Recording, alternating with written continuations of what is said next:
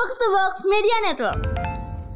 Kenapa sih orang tuh ho- hobi banget yang nggak lonte ngebahas lonte, lonte nggak pernah ngebahas. lonte nggak pernah ngebahas akuntan. Lonte nggak pernah bahas artis. Jadilah lonte yang baik terus. Atau lonte anjing gua lagi gua. Maksudnya lonte kena persekusi mulu. Lu semua anjing.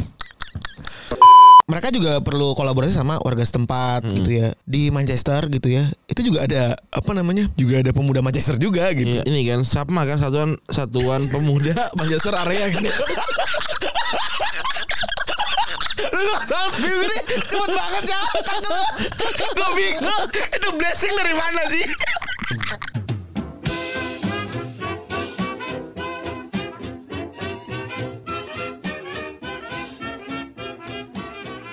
Podcast Retropus episode ke-466 masih bersama Double Pivot andalan Anda gue Rande. dan gue Febri Oke, selamat hari Senin teman-teman. selamat hari Senin aduh gue kayaknya Senin belum kerja dah Nah, memang masih ngurusin anak ya. masih cuti kayaknya gue masih ngambil cuti lu, lu keluar lu oh shoot syuting ya Iya, gue syuting ada dua gue syutingan hari Senin. Kayaknya gue eh, akan ngehandle satu, ntar yang lain dihandle sama yang lain. syuting apa lagi lu Itu yang kemarin lanjutan dari Sabtu ada ada syutingan lagi. oh respect respect respect respect kita rekaman di hari Minggu ya Yoi. supaya tidak chaos Senin tuh chaos hawanya entah kenapa ya iya, pa- pa- pasti bakalan syuting di pagi hari soalnya. Mm-mm.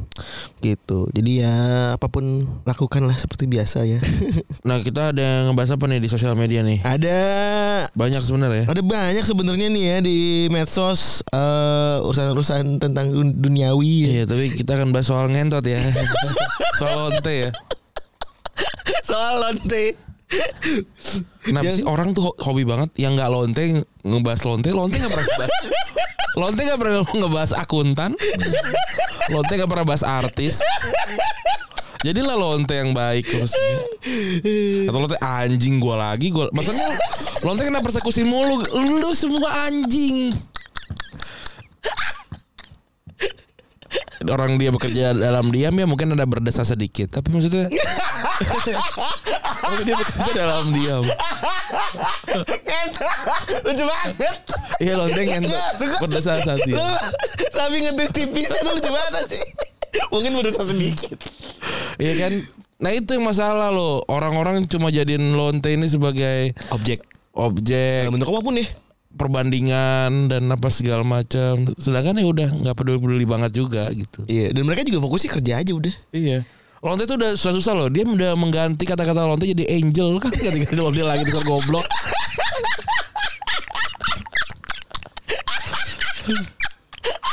Lalu lucu banget hari ini.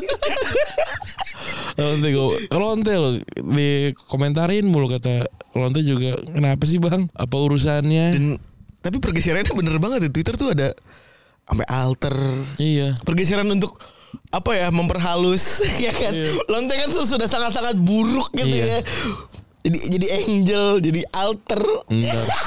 Akun alter. Akun alter tapi kan nggak hitungannya nggak bayar ya biasanya. Enggak akun alter biasanya bayar bang enggak iya. lagi pula gini akun Oh alter konten dia jual konten ya. tuh, iya akun alter tuh definisinya adalah akun-akun second account kan Iya. Uh, alter ego Iya benar. bukan di akun ngewe gitu loh iya gak sih Cuma emang sering ngebahas-bahas ngewe. Iya, pergeserannya kenapa jadi jauh banget? Tapi Iya. ya Angel juga sama kan? Iya Angel.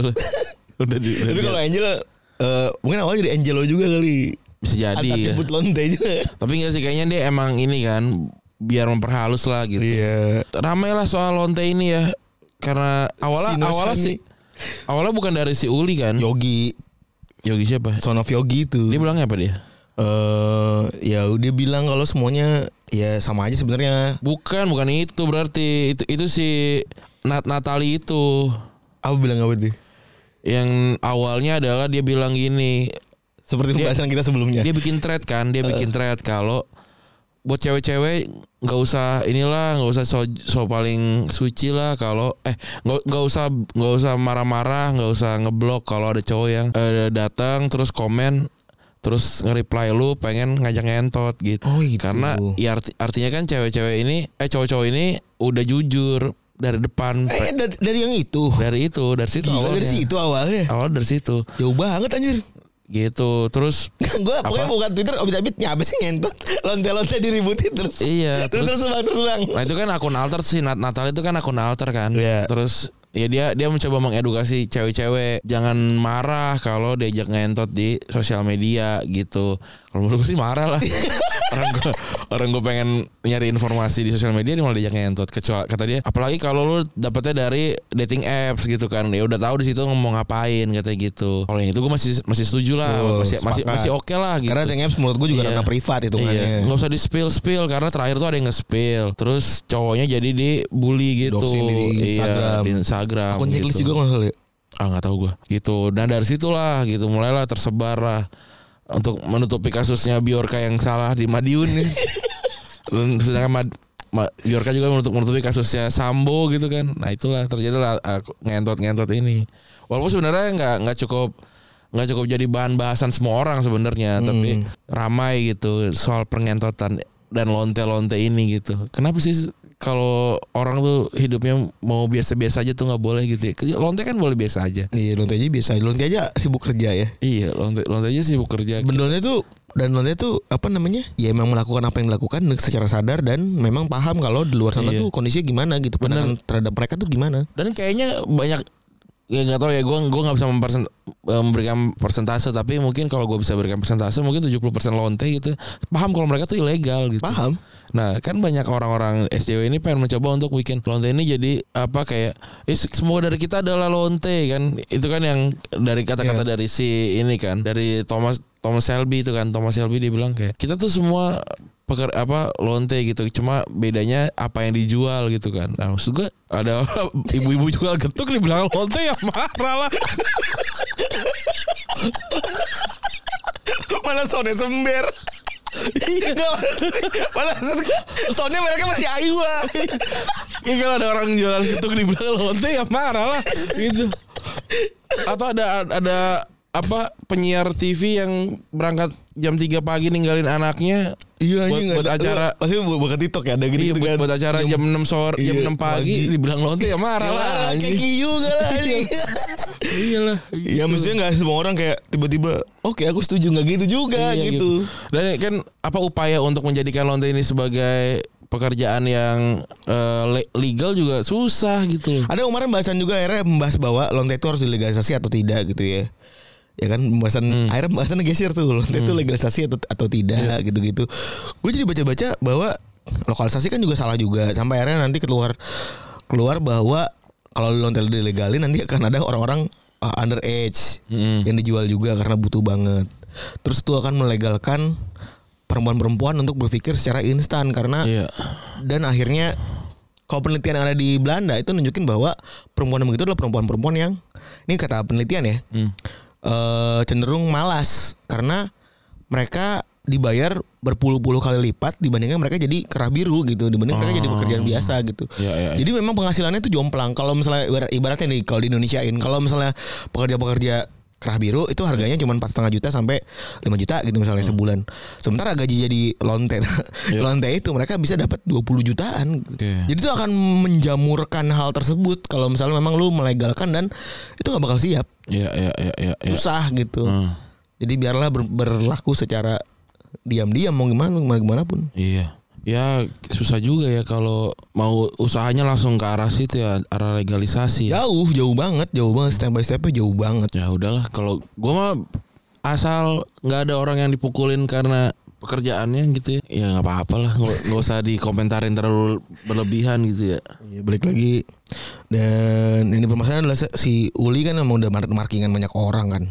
Iya terus Uli ditanya itu anaknya apa ya jadi kok Oh, anak lo disebut lonte. gitu, dibilang lonte gitu. Ya, ya marah lah. anjing. Marah lah. ya maksud gua lu mikir aja. Iya. Nggak netizen juga kontol. Gua maksud gua ya gitu kita paham itu satir tadi. Iya, iya, iya. Pak Vivu satir gitu. Tapi ya otaknya juga dipakai juga gitu kalau lu begitu begitu ya kan. Iya. Nggak cocok. Konteksnya dia nggak masuk kalau lu begitu jadinya ya, ya jelas marah lu orang tua mana yang anaknya dikatain lonte terus hahaha gitu. Iyalah. nggak mungkin juga. Terus ada lagi hackers eh, yang ini ya screensaver ya. Eh, enggak itu masih masih masih panjang ceritanya. Ini. iya. Ya kan si Nat Natal itu kan alter kan. Gue sudah riset, tenang aja, tenang. Terus terus. Nah terus ada ternyata yang menyamanyamakan dia dengan satu akun namanya Avi Nihayati itu loh yang dulu yang dulu cukup heboh.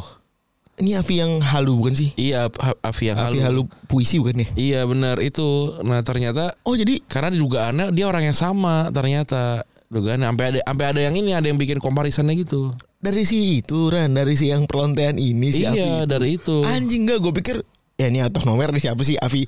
Ini Avi yang dulu kan kata gue. Iya, Avi yang tuh. dulu.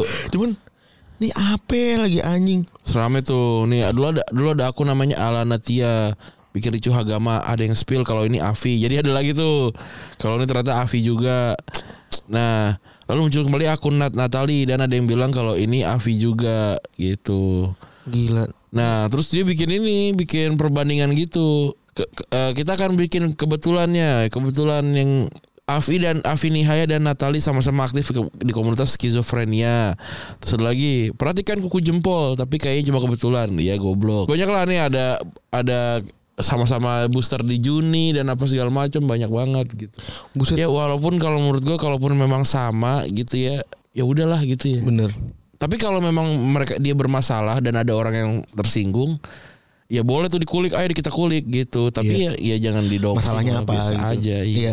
Kalau emang udah beda, misalnya kan kan, kan kayak lu kayak lu punya akun alter terus di dipermasalahin gak sih? Iya. Kalau emang gak ngerugin orang kenapa juga gitu? Gue lama-lama makin berpikir kalau kayak gini tuh bukan masalah sebenarnya.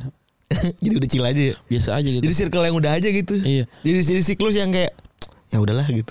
iya Soalnya kayak end, end up dengan rame doang paham lu? Iya bener Kayak, kayak kemarin tuh ada orang ketipu Traveloka Eh bukan ketipu ya Apa namanya Traveloka eh, nggak bisa eh, nggak nggak ngeluarin kode bookingnya Iya. sehingga dia harus beli tiket baru gitu. Iya. Ya udah gitu. Biasa aja jadinya kayak ya ini begini-begini aja nih gitu. Ya mungkin ntar kalau waktu gue misalkan ketipu atau gue misalkan apa gitu. Buat orang-orang juga se- selayaknya eh, seharusnya dibilang biasa aja gitu ya, nggak usah nggak usah terlalu rame lah gitu. Hmm. Walaupun gue pada akhirnya akan ngeramein di sosial media gitu. Ya karena karena entah kenapa itu jalur paling cepet sih. Mm-mm. Aneh gue sebel itu aja sih. Kenapa kalau nggak digituin tuh orang jadi nggak aware Mm. sama komplain orang. Ya itulah yang terjadi ya soal per- pengentotan dan per apa Beralteran. peralteran. Second akun dan lain-lain Iya. ya udahlah gitu-gitu aja sebenarnya dunia. dunia. Dan ada ribut-ribut work life balance juga ya. Iya ada juga tuh yang di chat jam 10 malam terus dibalasnya kayak ini sudah jam ini sudah di luar jam kantor gitu kan. Iya. Antara nama gue juga menyimpulkan bahwa orang-orang yang hustling eh, kerja nggak nggak pakai waktu nggak bakal ngerti work life balance. Orang-orang yang terlalu kaku sama aturan work life balance nggak bakal ngerti juga sama orang hustling gitu. Iya ya udah. Jadi ya udah aja gue ngerasa jadi ya udahlah. Eh gue pas lagi baca si Ari itu kan ribut tuh. Hmm. Ari Tatula kan ribut tuh ya. Di joining the conversation terus ribut-ribut banding-bandingin sama apa dan lain-lain lain. Oh, maksud dia sebenarnya bukan itu sebenarnya gue tahu gitu. Iya. Tapi maksud gue akan Kalau selalu ada dokter yang nggak bales Iya gitu. kan selalu kan selalu ada, ada celah gitu Iya. kan selalu ada celah buat orang-orang yang ngerasa bahwa ya kerja gue emang harus eh, 7 sampai 9 eh 7 sampai 8 7 sampai 7 gitu misalnya 9 sampai 7 akan selalu ada celah buat nge-counter itu ya walaupun juga sebaliknya gitu jadi ya udah gue Iya. milih untuk tidak ribut aja udah secocok-cocoknya pakaian sama kita kan di ada pasti orang yang nggak cocok sama pakaian Ih, itu kan. bener banget. Ya kan ya udahlah. dan akhirnya nemu eh, dan akhirnya lu pada akan nemu nyaman lu sendiri gitu kerjanya akan seperti apa gitu dan semuanya pilihan gitu Iyalah. dan semuanya pilihan dan semuanya juga eh, masing-masing. Gue sana ini kok kalau gue balikin ke gue kemarin, nah gue tuh anak gue ngelahirin kemarin 640. Eh, nah gue ngelahirin tuh 640 dan gue tuh pecah ketuban tuh 6 6 eh 420. Dan bener dokternya memang gak lagi shift dan gak lagi jaga di situ. Tapi ya ha- dia harus ditelepon dokter kandungan istri gue ya dia harus ditelepon dan dia harus segera berangkat ke ya karena memang dia dibayar untuk itu gitu loh Iya. Jadi bukan masalah shift shiftan, bukan masalah ada apa-apa. Jadi memang dia dibayar untuk itu gitu, dibayar untuk standby dan ada plottingan jatah dokter itu ada plottingan jatah buat bayar dokter gitu. Dalam eh, dalam konteks eh, paket melahirkannya gitu. Even bahkan ya kadang-kadang nih tanda ini gue menjabarkan aja mungkin bisa validasi. Gue tuh dua kali lahiran itu gue istri gue tuh harus nahan mules karena dokter belum datang dengan alibi eh, masih bukan 9 sekian Iya. Masih bukan apa segala macam. Padahal gue tahu, gue yakin betul itu nung- cuma nunggu dokter datang doang. Iya. Maksud gue kalau dokter juga gak siap terus lama ya anjing juga. Maksud gue, gue bahkan udah ngebisikin bidan yang kemarin. Bidan, bu bidan, tolong, minta tolong kalau misalnya istri saya udah sakit banget dokter belum datang, dieksekusi aja nggak usah nungguin dokter gue gituin. Karena mati juga bini gue kalau nahan bu, mukanya ungu. Iya. Agungnya ungu cuy. Jadi minion jahat.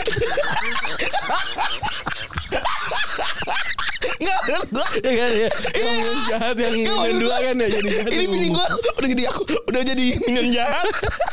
Dengan rambut juga yang benar persis kan. Iya kan? Jadi kalau udah skripsikan orang melahirkan tuh ya, bener jadi minion jahat, bener. rambut kriwil berantakan ya kan. Udah hancur banget tuh ya, udah hancur banget. Terus ya udah muka ungu, ungu banget cuy, nahan dia nahan kayak nahan berak tapi yang keluar tuh ngaro gitu. Iya. gitu. Terus Ya kalau ada orang yang protes salah dokter ya Menurut gue ya valid juga. Tapi ya ya udah kemarin ada- akhirnya ada faktor ekonomi dan lain-lain juga Ya gue merasa ya udah fair fair aja. Dan untungnya dokternya langsung sampai tuh 6.30 Kalau nggak salah 6.36 Iya. Akhirnya lahir 6, anak gue 6.40 Kan gue terlalu bilangnya Ini masih bukan 9 setengah Segala macam. Terus pas dokter lah lahir langsung Pas dokter datang langsung beranak. Lu apa sih? Gitu. Iya. ya gak sih? Kalau bukan gara-gara nunggu dokter datang ya gimana gitu? Orang sepupu gue melakukan hal sama sepupu gue dokter. Dia tahu SOP-nya gimana. Dia lahir sendiri nyampe rumah sakit ah gue gue gue gak kuat dok eh, Bu Bidan diberanakin karena nunggu dokter doang aja gitu maksudnya Iya, iya, iya, iya. dan gue udah bikin hal yang sama sama dia gitu Ya dia kan masalahnya kan kalau emang dia dibayar dengan layak ya bisa Iya. buru-buru. Tapi kalau nggak dibayar dengan layak kan susah. ya gue bisa ngomongin karena gue ada di rumah sakit swasta Hmm. ya kan yang mana ya bayarnya mahal gitu ya tapi ya udahlah balik lagi ngomongin soal work life balance itu nggak bakal ada usahanya ya Ren ya. karena orang-orang yang percaya itu pasti tidak akan percaya kerja yang hustling gitu ya begitu pun se- sebaliknya gitu Benar. Eh, tapi ya, kalau gue sih suka nanya gitu eh, ke orang-orang yang gue interview kenapa tuh tentang work life balance gitu karena gue tahu juga culture culture urgent, culture kadang-kadang juga di kontak gitu ya. Iya. Dan kita pernah punya masalah sama orang-orang yang terlalu kaku sama hal tersebut gitu. Iya. Jadi gue ngerasa kalau emang culture nggak fit, gue juga nggak mau kok gangguin lu di weekend gitu. Ibaratnya kan gitu Iya. ya. Gue juga nggak mau kok gangguin lu di luar jam kerja gitu. Tapi there's uh, some case yang kadang-kadang perlu gue colek gitu. Iya. Itu doang sih maksudnya. Kalau lu terlalu kaku ya mohon maaf banget gitu. Kan kita kita nggak kita nggak ada di dunia yang utopia ya. Utopis Utopis. sih. Iya. Iya. S-nya utopis tuh sama SJW itu belakang. Kalau kalau ada di dunia itu ya enak gitu. Tapi kalau nggak ada kan susah. Kayak gue kemarin kan kerja kerja hari Sabtu malam Minggu gitu kan, nemenin anak-anak untuk syuting gitu. Walaupun gue nggak syuting, tapi kan gue harus nemenin. Dan apakah itu nyaman nggak juga? Harusnya kan gue ada kegiatan. Iya. Gue mau main ke mana dan segala macam. Pasti keluar duit juga gitu kan. Tapi tapi karena ini adalah sebuah dedikasi ya jadi terus bilang wah nggak usah lah berlebihan sama kantor gitu ya susah juga mau mau, mau dibilang berlebihan juga nggak nggak Enggak nggak berlebihan juga. biasa aja Iya. gitu untuk gua tapi untuk orang lain kan bisa jadi berlebihan gitu tapi kalau kalau gua tipe tipenya adalah yang selalu ready untuk ya ini ngebantu lah gitu. Ya Tapi kalau kalaupun gua nggak mau kan gua bilang gua nggak bisa gitu. Bener. Kita juga kita juga sering kok misalnya weekend bilang nggak bisa. Ya udah gitu. Kalau emang nggak bisa Nggak kan bisa juga bukan kayak karena oh istri gua melahirkan gitu atau orang tua gua sakit enggak emang pengen pacaran aja gitu misal bisa boleh gitu. juga. Boleh juga gitu dan dipersilakan juga pasti. Kan ada back ada orang yang bisa nge-backup pastinya Hmm. gitu. Cuman you don't have to be kaku banget gitu loh. Jangan kayak seolah-olah jika ini maka jahat, jika Iya. ini maka salah. Lu nggak bisa hidup begitu. Kalau gua kalau ini balik lagi ngom- kita kan benci banget sama orang yang Hmm. jika A maka B logikanya selalu dibikin begitu gitu loh. Iya. Berarti kalau si ini begini berarti ya salah dan jahat gitu. Enggak anjing. Enggak enggak dan lu nggak bisa memahami sepatu orang juga dan baju orang tadi Rani cerita juga itu sebel banget. Iya. Minion ungu, minion ungu. Oke, kita lanjut ya. Kita akan lanjut ngomongin sepak bola ya. Minion ungu, minion ungu. Minion jahat. Diapain sih gue lupa gitu minion jahat ya? Disun- Disuntik ya? disuntik. Iya jadi. Disuntik sama itu film yang berapa sih kedua ya? Yang pas dia ketemu sama siapa sih? Kalau nggak salah ini ya, Anaknya apa ya? komunitas komunitas Orang jahat super ya? super jahat ya? Homolis orang jahat kan? Iya iya. Terus dia nemu terus di ditembak kan minionnya. Iya. kan? jadi ini ini bini gua. ini minion jahat. Setelah anak kuning keluar lagi. Bini minion jahat. Ya kan biar orang paham kan. Untung lu pamannya anak-anak gua lu. Tapi maksudnya gue coba untuk mensimplifikasi kan. Orang Tapi anjing, tapi bener Tapi Ran, gue tuh sampai mikir Bukan kata Thanos Tapi setelah gue pikir kaget juga gitu Pas Iya. lu bilang minum jati ini Nah ini dia yang pas Ngedennya Iya. Jelek-jeleknya Rewel-rewelnya Iya. Mirip tuh persis. Tapi gak harmful gitu loh Enggak, iya. Kalau Thanos kan kayaknya jahat banget Udah terlalu jahat iya. gitu Kalau minum jahat kan kayak Ya udah siapa sih lu gitu. Gue dipites kemarin anjing. Gue dipites bener-bener dipites. Gue juga pengen ngeliat Anak gue keluar gitu ya. Malah gue dipelintir cuy Sama bini gue Sama anjing gue di, ah, Wah gila dah. Yang minum jahat tuh teman. Real tuh. Buat teman-teman yang pernah ngerasain Temenin lahiran masih tahu tuh. Iya. Ketika itu jadi minum jahat ya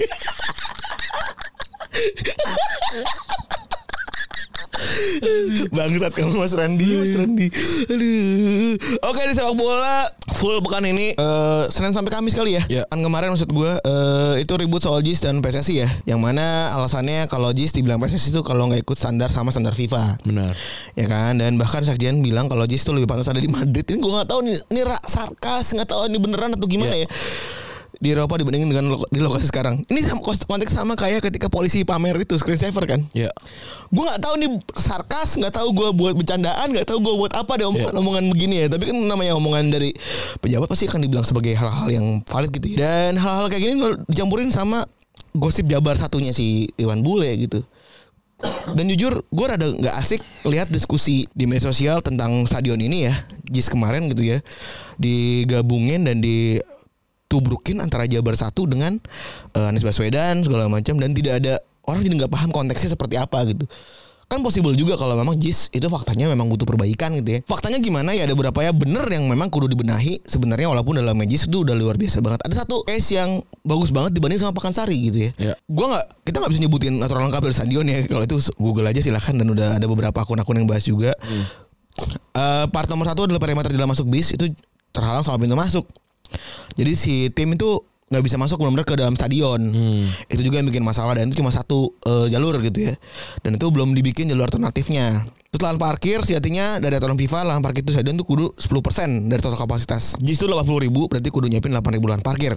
Sementara kabarnya sekarang baru tersedia 800 kapasitas. Nah, si perbandingan compare to compare to eh Pakansari Hmm. Itu kapasitinya 30 ribu Eh, Pakansari punya sekitar 90 9 ribu lahan parkir itu udah hitungannya tuh Ya. jadi lebih kayaknya mendingan lu dikecilin gitu Ya.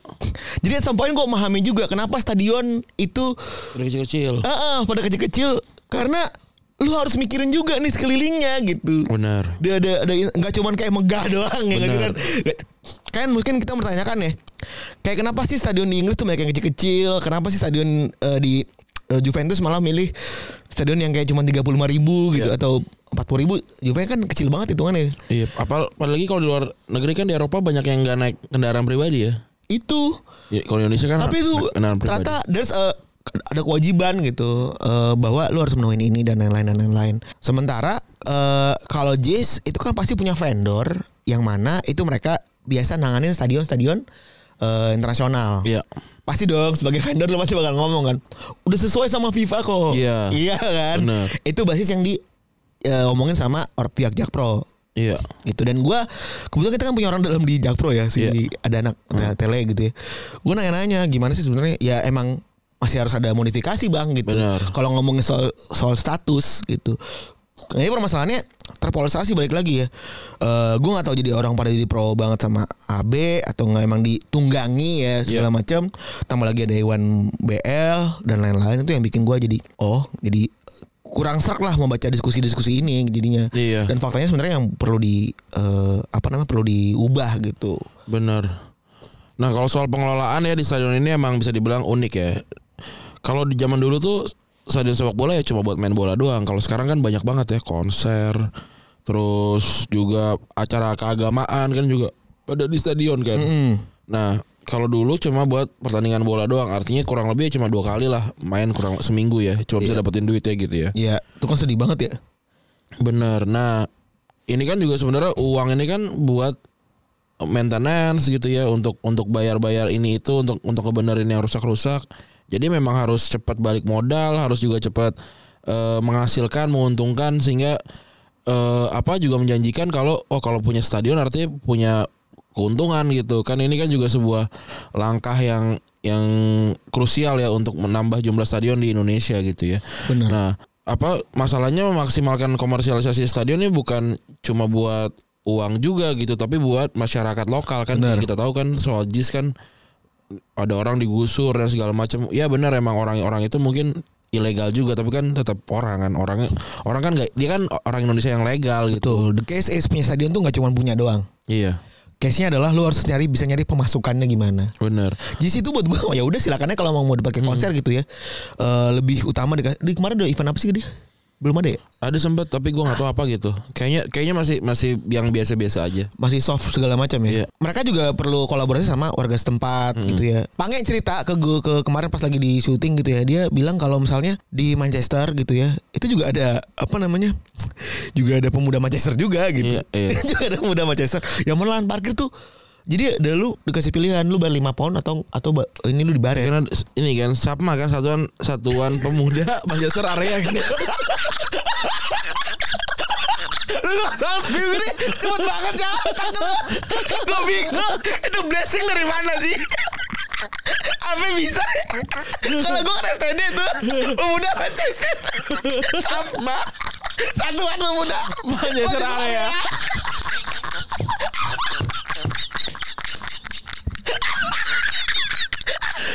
Anjing lucu banget. Anjing. Aduh. Alhamdulillah di sana akur-akur juga ya. Iya bener.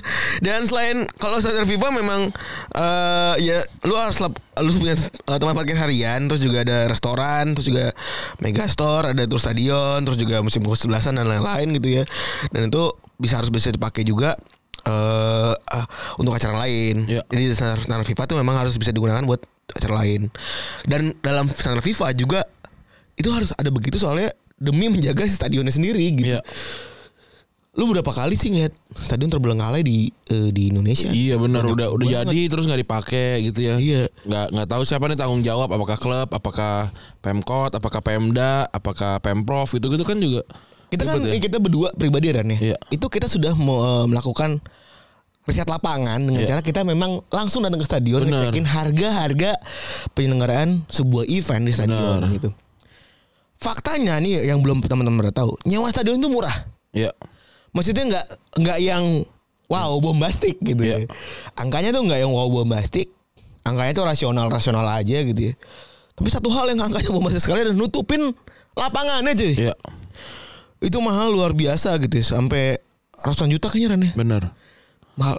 Nutupin nutupin ini, nutupin apa rumput itu mahal banget tuh. Iya. Dan itu juga mungkin yang jadi masalah di Indonesia ya ketika lu eh, udah bangun stadion ya ternyata itu gitu nggak ada yang nyewa terus juga pasarnya juga bingung kali ya dan apa namanya perawatan si FIFA juga mengedepankan kata perawatan gitu ya dan juga dan juga disarankan sama FIFA buat ngisi hari-hari kosong FIFA ngerekomendasiin agar stadion bisa dipakai untuk keperluan lain yang berhubungan dengan pemilik stadion misalnya kesebelasan dan juga lingkungan sekitarnya bahkan untuk lahan parkir atau disewakan buat acara lain Jadi kayak Barcelona kan jadi ada acara kawinan ya. Betul. Itu buat gua make sense karena operasional stadion itu idealnya berpisah dengan operasional eh, klub. Hmm. Gue gue sih yakin PT-nya beda sih. Gue sih yakin PT-nya beda sih. PT Kamnu sama PT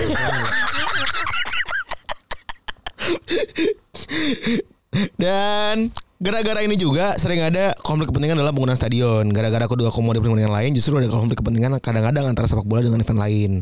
Pernah kejadian di 2014 Ray Housen marah-marah karena lima hari sebelumnya Wembley dipakai buat Inggris ke kualifikasi Euro 2016 malah dipakai buat pertandingan American Football. Iya. Dia bilang kalau lapangan nggak dalam kondisi terbaik dan dia nggak senang dengan kondisi tersebut. Ya buat gue Inggris lapangan banyak anjing. Iya, tinggal pindah aja. tinggal pindah aja gitu. Dan hal ini nyatanya nggak nggak berkali-kali eh, nggak sekali doang tapi emang udah berkali-kali si Wembley itu udah dipakai sama NFL dan bahkan buat tinju juga gitu. Dan sampai situ si NFL juga kabarnya eh, masuk ke dalam bagian integral dalam rencana bisnis bisnis, bisnisnya si Wembley. Bener juga kan emang sering banget kan sampai tahun kemarin ya. Iya. Nyelenggarain eh, rugby terus juga apa Super Bowl gitu-gitu Iya. kan tahu gue. Dan ya berbagai macam hubungan juga dipakai antara FA sendiri dengan eh, pihak stadion gitu ya. Dan ya si kontrak Inggris di Wembley bahkan cuma 2017 doang gitu. Iya. Maksudnya Inggris timnas sama Wembley aja ada kontraknya ya. Benar. Keren banget dan satu-satunya faktor lain yang udah kita sebut tadi adalah nggak cuma keren-kerenan fasilitas aja tapi adalah sustainability ya. Jadi perawatan stadion tuh kan end to endnya mahal banget, terutama dari segi perawatan rumput. Dan kadang-kadang itu yang itu yang apa namanya itu yang jadi masalah gitu ya. Iya. Dan itu faktor penting kenapa si stadion itu perlu ada apa ya pemasukan lain dari sepak bola. Enggak lu bayangin se- seminggu cuma sekali cuy. Bener. Modar anjing. Modar. Nah ini imbasnya juga bikin stadion doang tapi nggak tahu mau diapain nih stadionnya selain jadi eh, venue olahraga. Dan akhirnya banyak stadion terbengkalai. Bener. Kayak sebenarnya kan udah banyak isu ya kalau jadi tuan rumah di Piala Dunia tuh bikin negara itu jadi krisis Miskin. bener ya kan. Iya, Ini kayak terjadi di Brazil ya. Banyak banget stadion-stadion Brazil yang nggak ke mana-mana tuh sekarang udah jadi pool bis gitu kan. ada yang gitu kan, ada yang jadi pool. Banyak ada ada. Kasihan banget gitu. Dan katanya penyelenggaraan Piala Dunia 2014 jadi salah satu penyesalan terbesarnya Brazil. Ini pernyataan tersebut diungkapkan sama bekas wali kota Rio de Janeiro ya, Pak Ed- Eduardo Paes pada ESPN FC ya. Dan menurut Financial Times, Brazil ini ngeluarin 11,63 miliar dolar AS atau sekitar 1600 600 603 eh 163 triliun buat penyelenggaraan Piala Dunia Anjing 2014. 163 triliun cuy. Iya. Dan 30 Tapi masih kalah sama masjidnya Sultan Kamil ya. Iya, berapa, dia? Satu seribu T. Emang buat Iya, emang iya. Satu T. Itu apa bercandaan netizen doang sih? Gue nggak tahu deh. Gue juga nggak tahu tuh masjid masjid maksud seribu T sih gini. Ya mau ngapain mau du- Lu angkanya liat kan? Iya. Gue gue di jalan di mobil kayak di rumah sakit. Seribu T. Ini apa sih? Iya. Banyak banget. Ini angkanya gue gitu ngebelah. OB-nya Ronaldo mah. Ini gue gitu seribu, sejuta, ini satu m, anjing seribu ya seribu, seribu t anjing, Iya, mending dikorupsi sih ya. Orang-orang ya. alik banget, alik banget, alik banget. Nah, atau 30% dari angka tersebut nih 3,6 miliar dolar atau 50 triliun dikeluarin Brazil buat stadion. Oh, gila. Kita nggak usah lah ikut jadi Piala Dunia Piala Duniaan kalau menurut gue ya. Nah, alasannya apa? Sampai 50 sampai 50 triliun karena standarisasi stadion FIFA buat Piala Dunia nih eh Piala Dunia 2014 ini menyarankan Brazil bikin 7 stadion baru. Nah, ini konflik di masyarakat jelas karena pada pada miskin orang-orangnya tapi justru orang-orang eh, para pembesarnya malah bikin stadion. Ketika orang-orang sedang eh, sakit, miskin dan juga pada bodoh ya. Ini pikir standar ya maksudnya eh there will be ya another side of of coin lah ketika lo bilang bangun stadion. Bisa aja kan banyak banyak ributnya. Akan selalu ada begitu begitunya dan yang nggak dipikirin adalah sustainability-nya. Bener. bangunnya udah dulu gitu. Kayak apa sih eh itu Brazil. Ini contoh paling tai itu Brazil sebenarnya Iya banyak banget kan organisasi masyarakat ya. Salah satunya adalah forum Ber- Brazil rempuk. Berkumpul the dia. best the best lu hari ini the best banget lu hari ini Iya, dia udah kumpul kan untuk memprotes. Karena ya itu tadi pa- pada pada uangnya jadi, jadi sayang gitu nggak pakai. hari ini ente the best banget dimulai dari minion ungu Ini jahat. Ya ya ya siap siap. Gitu jadi eh apa setelah Piala Dunia pun nggak di, nggak diurus gitu.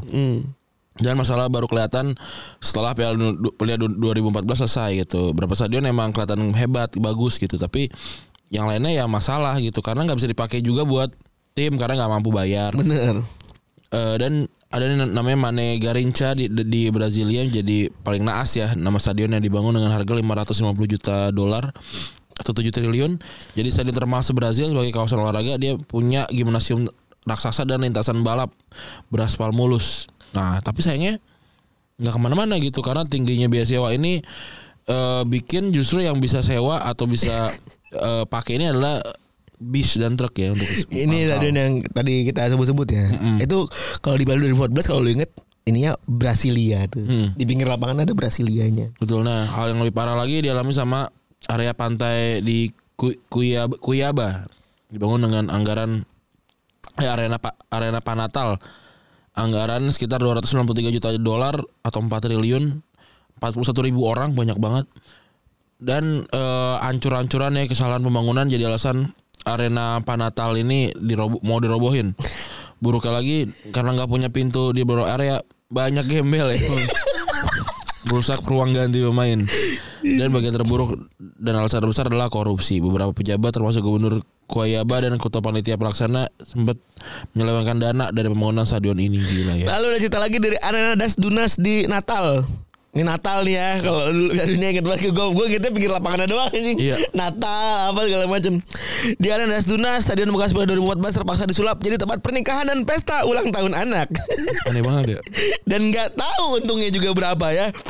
Terus juga Arena ada Amazonia juga sama.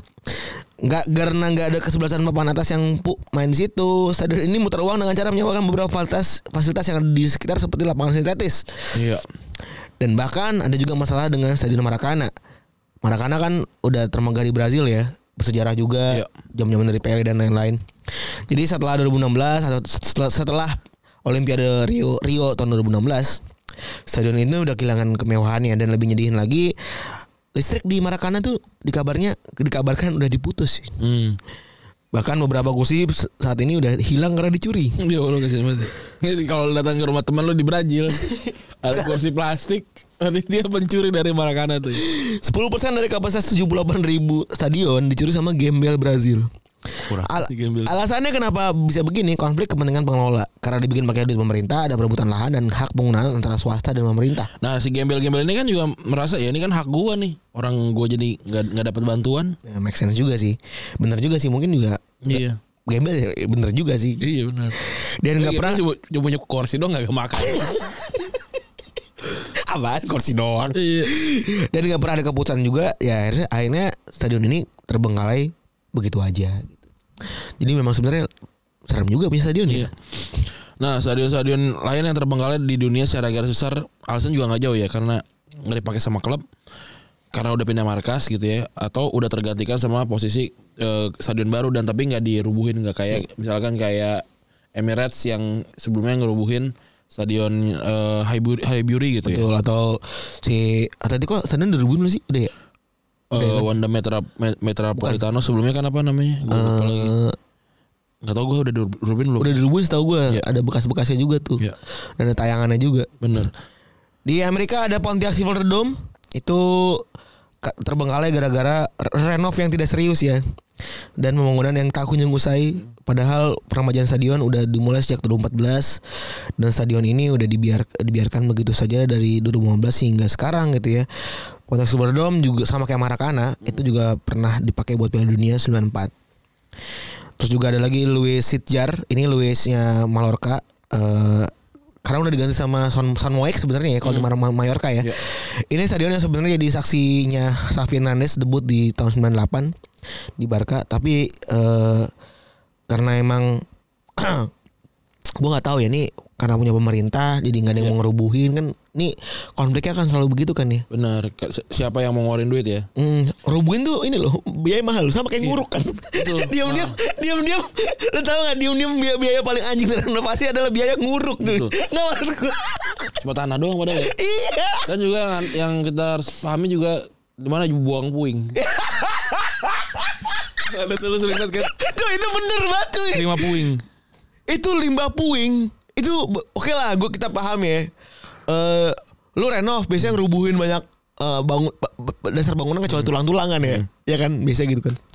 Ter gitu kan. Kan itu bisa jadi buat nguruk, bisa. Tapi lu pertama butuh tenaga. Iya. Itu tenaga itu udah biayanya anjing. Iya. Yang kedua, Kulit itu tidak taken for granted kan. kulit itu juga lonte. iya. Nggak kulit kalau kata lonte, bete juga. Ya, lu lu lempar puing. Nah, terus sisa-sisa buangnya itu dibuang dan itu butuh biaya juga anjing. Iya, iya. Butuh biaya dalam artian butuh baknya juga. Buat nganterin kan. Iya. Dan di mana lo ngebuangnya juga itu, gua gak pernah tahu. Lu gak ada, gua, lu, lu udah nguruk belum sih belum ya? Udah gua udah nguruk, udah nguruk mahal dulu 20 juta lebih gua. mahal lah. Anjing. Buat pakai tanah doang. Iya cuman Sebel banget gak sih? makanya tanah juga gue punya. Iya. Kenapa gak gali aja sih? iya. Kan sebelnya gitu.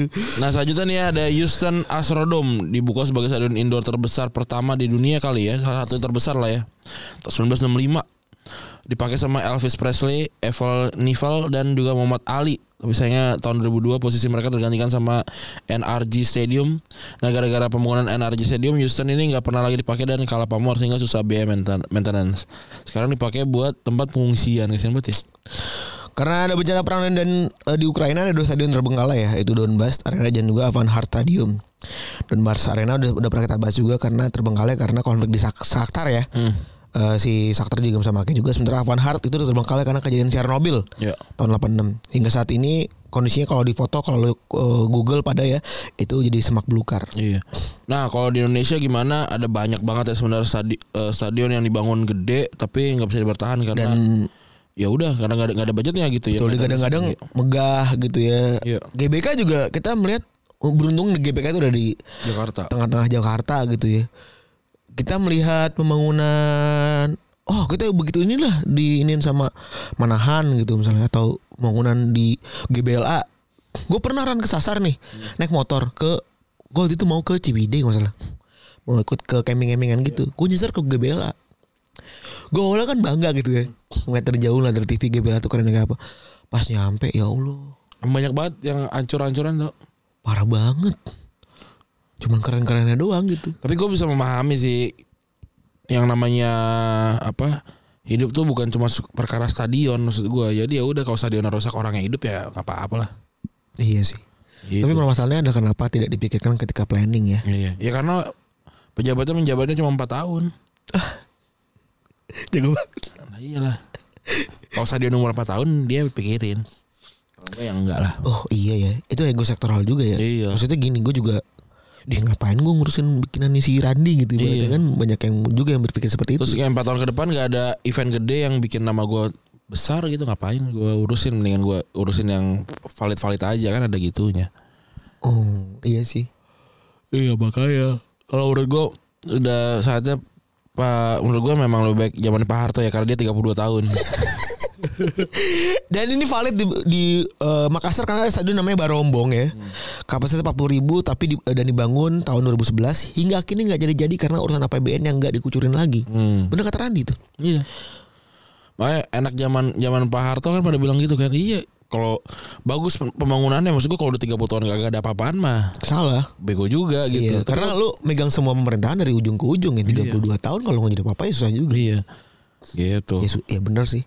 Ya Ya semoga Pak Jokowi jadi wa- wapres lah ya di 2028 ya. Apa 2024 sih dia? 2024 Bisa dia? bisa langsung jadi wapres. Ya boleh lah Pak. Si- Sikatnya Pak.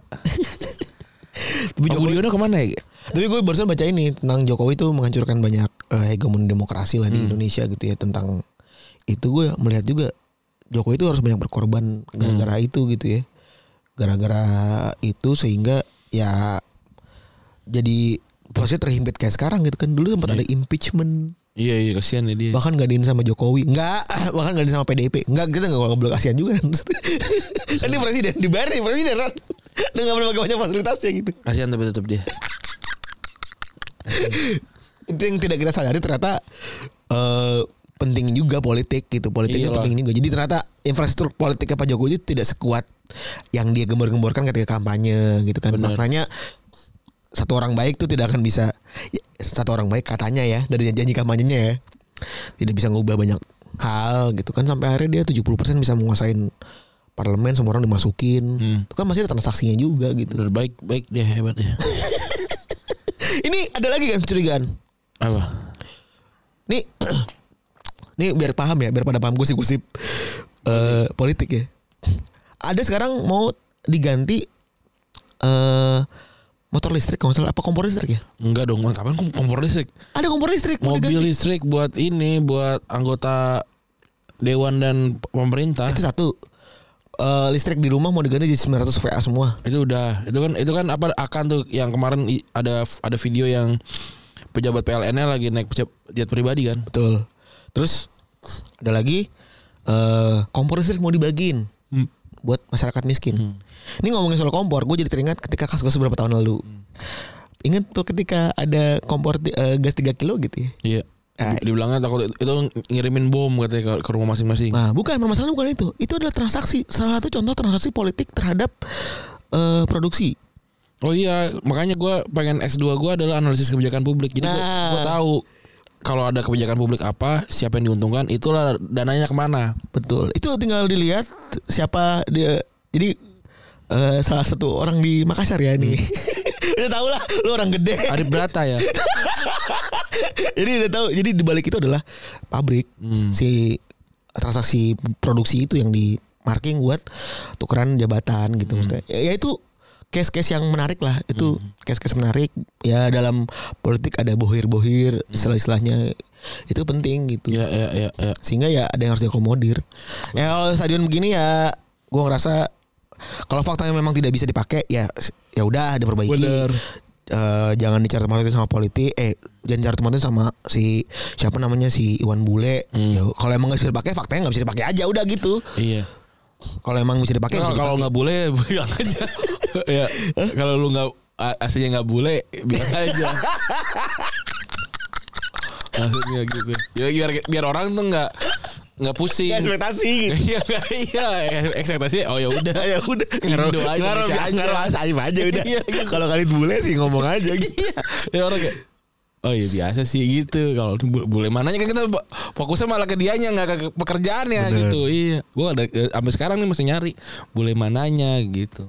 Belum ketemu tapi. Begitu kali ya untuk episode kali ini ya. Masih teman-teman yang sudah mendengarkan gue udah cabut. gue cabut Bye.